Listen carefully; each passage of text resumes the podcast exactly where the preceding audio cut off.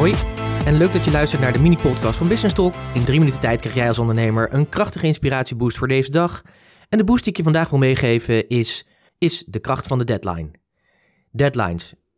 Soms zijn ze letterlijk deadlines, zeker als je in een ziekenhuis ligt en er is een flat line, dan gaat er iets niet goed.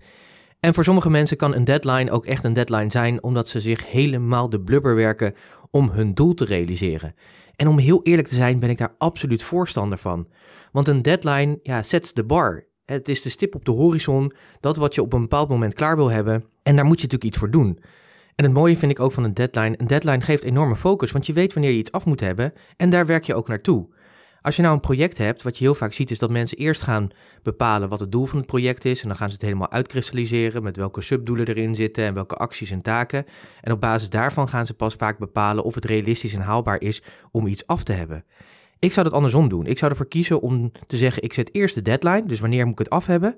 Dan ga ik bedenken wat er allemaal voor nodig is. Dan maak ik dan plan en dan doen we het gewoon. En op die manier kun je vaak in een kortere tijd veel meer bereiken dan als je het andersom doet. En wat je vooral niet moet doen, en wat ik nog zeker veel zie gebeuren, is dat deadlines verschuiven. Dat ze opgeschoven worden omdat het niet haalbaar is.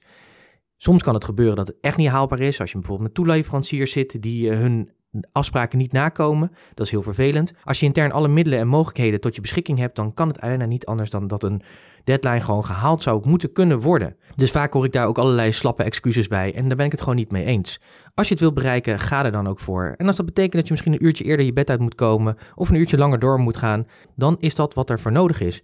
Dus laat je daar ook niet voor afleiden. Wat ik mooie, mooie voorbeelden vind van mensen die echt hoge deadlines zetten of deadlines zetten, die echt strak zijn, grote doelen behalen. Dat zijn bijvoorbeeld Elon Musk en Steve Jobs. Dat zijn natuurlijk de grote der aarde.